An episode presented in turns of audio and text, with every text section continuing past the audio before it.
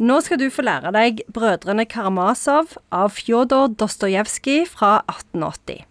Den kan oppsummeres sånn.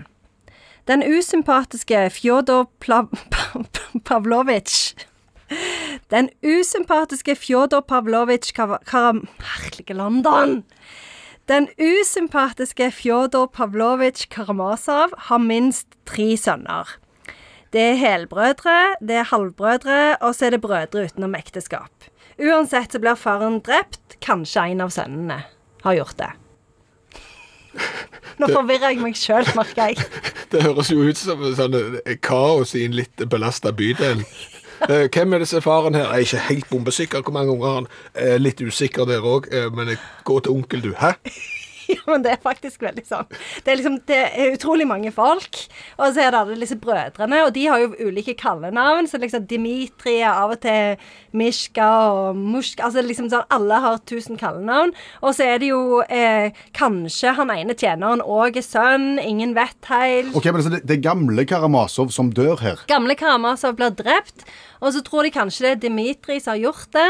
Mishka. Ja, også kjent som Mishka. Så kan det, kan være Ivan òg, kanskje. Norska. Ingen vet. Ja, men er det krim? Ja, det er en slags krim, faktisk. Det er en slags kriminalbok. Og dette er jo det siste Dostojevskij skrev. Blir regna som hans aller største mesterverk. Er i åtte deler, eller det er i hvert fall 800 sider. Veldig, veldig store greier.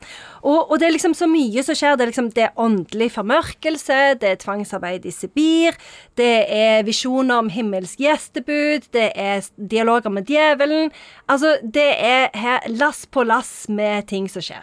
Det hørtes litt mye ut, og litt kaotisk ut. eh, Og når jeg står her med boka i hånda her, så er den jo nesten 900 sider, som du sier, og et feiende flott eh, brunt omslag som gjør at du får lyst til å gå hjem og lage brøstningspanel i hele stua. Jeg, Jeg vet ikke om jeg blir frista. Den var veldig tung. Den er veldig Altså, hva sier vi alltid om romaner fra 1800-tallet? Vi sier de er spennende. Der skjer det mye. Der er det gøye karakterer som gjør rare ting som vi ikke kan forstå. Og det er skummelt, det er eh, skaper ettertanke, det er rørende. Sant? Du får alle følelsene. Og Så det det- er bare å sette i gang, syns jeg. Ja, for det stemmer med denne boka òg. Ja, ja, ja. Det er fyr, et fyrverkeri av ei bok. Hvem er det som har gjort det, da? Jeg kan jo ikke si det. Skal vi stå og spoile hele handlingen? Det er jo ikke det som er vår, eh, vårt prosjekt. Nei. Er det et berømt sitat fra brødrene Karamazov? Ja, jeg syns ikke dere virker så gira på Brødrene Karamazov. jeg lurer på hvorfor. Jeg tror det har med størrelsen å gjøre. Jeg ser på henne, Hun ser veldig lang ut. Jeg blir motløs når det er nesten 900 sider og ikke et eneste bilde, det må jeg si. Ja.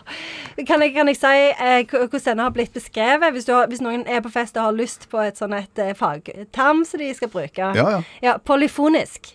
Oh. Det er en polyfonisk roman.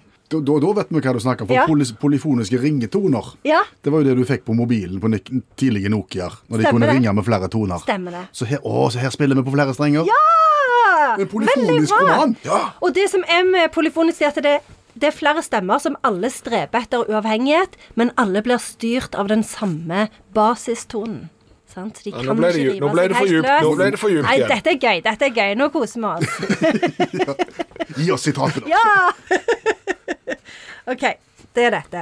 Og det handler, handler om Det er en som spør Fins det et liv etter døden, da. Og så svarer hovedpersonen, eller liksom den fineste personen som vi blir aller mest glad i, som heter Alyosha, han sier Ja, vi skal sikkert stå opp, sikkert få se hverandre, og fornøyde og glade fortelle hverandre om alt det som var.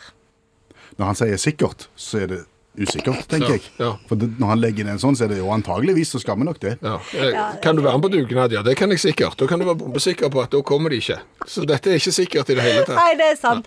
Men, men det er jo liksom hvis du klarer på en måte så tenke på det andre og ikke tenke så mye på sikkert, så er det bra. Sikkert det. Eh, Du kan helt sikkert oppsummere dette her. Ja, det kan jeg helt sikkert. Nå ble jeg bare deprimert. Nei. Kom igjen. Brødrene Karamazov. Ja, Det høres jo ut eh, som farsdag i en litt belasta bydel i en storby i Norge, eh, der folk er litt usikre på hvem som egentlig er mine, dine, våre, eh, brødre og fedre og onkler og, og, og tanter, og egentlig det komplette kaos. Og plutselig så er det en av de som tar livet av eh, faren, tror han, men han er jo ikke sikker at han er faren, for han vet jo ikke helt hvem han er. Ja, og I tillegg så er far og sønn Den ene sønnen og faren er forelska i samme person, Gusjenka. Så det òg kompliserer det ytterligere. Ja, det vil jeg si. Men dette anbefaler du? Ja, ja, ja. Kjør på. Tusen takk. Sikkert bra. Takk, Janne Stigen Drangsholt, forfatter og litteraturviter.